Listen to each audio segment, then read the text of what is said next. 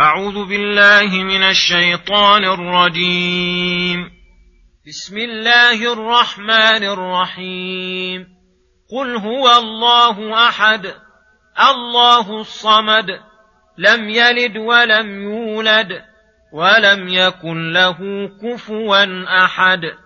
بسم الله الرحمن الرحيم.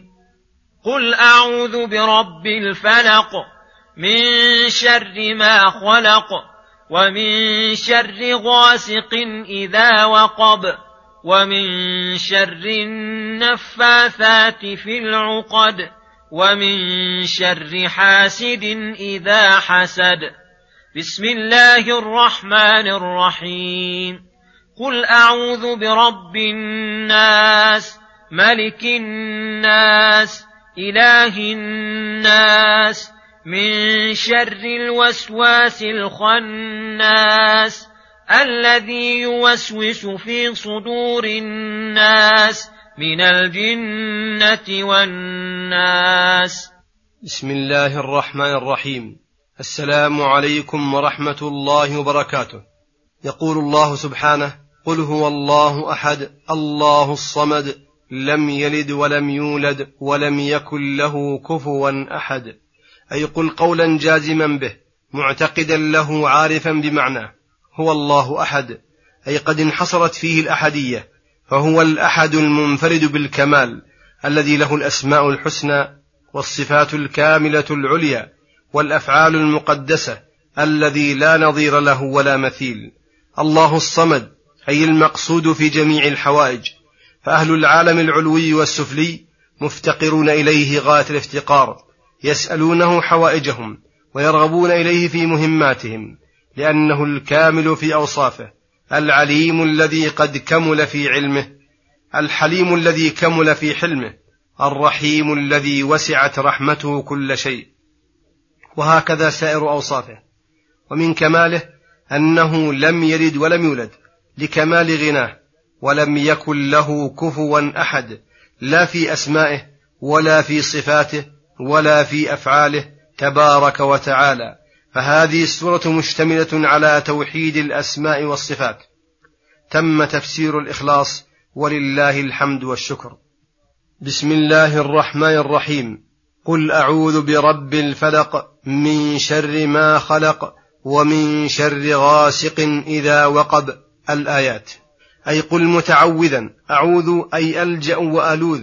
وأعتصم برب الفلق. أي فالق الحب والنوى وفالق الإصباح من شر ما خلق وهذا يشمل جميع ما خلق الله من إنس وجن وحيوانات فيستعاذ بخالقها من الشر الذي فيها.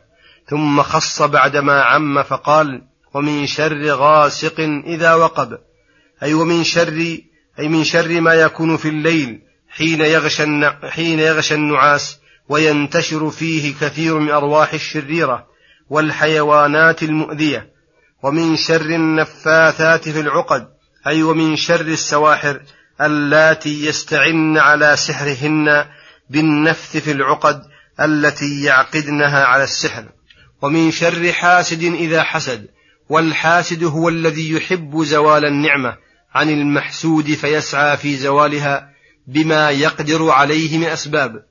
فاحتيج إلى الاستعاذة بالله من شره وإبطال كيده ويدخل في الحاسد العين لأنه لا تصدر العين إلا من حاسد شرير الطبع خبيث النفس. فهذه السورة تضمنت الاستعاذة من جميع أنواع الشرور عموما وخصوصا ودلت على أن السحر له حقيقة يخشى من ضرره ويستعاذ بالله منه ومن أهله. تم تفسير سورة الفلق ولله الحمد والشكر. بسم الله الرحمن الرحيم. قل أعوذ برب الناس ملك الناس إله الناس من شر الوسواس الخناس. الآيات.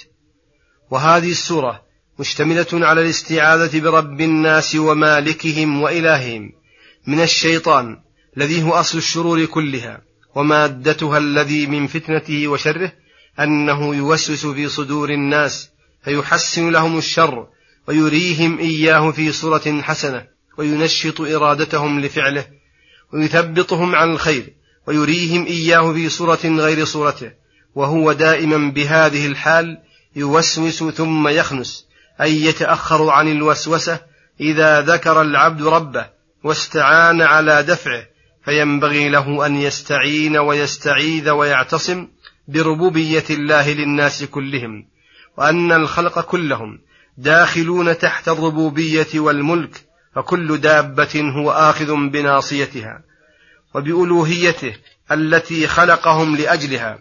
فلا تتم لهم إلا بدفع شر عدوهم الذي يريد أن يقتطعهم عنها ويحول بينهم وبينها ويريد أن يجعلهم من حزبه ليكونوا من أصحاب السعير والوسواس كما يكون من الجن يكون من الإنس.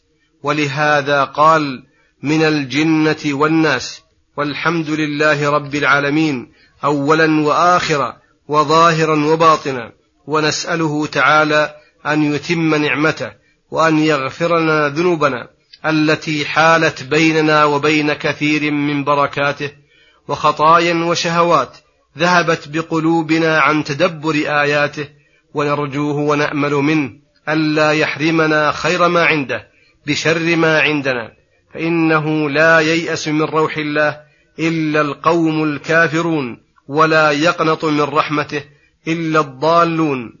وصلى الله وسلم على رسوله محمد وعلى آله وصحبه أجمعين صلاة وسلاما دائمين متواصلين أبد الأوقات والحمد لله الذي بنعمته تتم الصالحات. وصلى الله على محمد وعلى آله وصحبه أجمعين.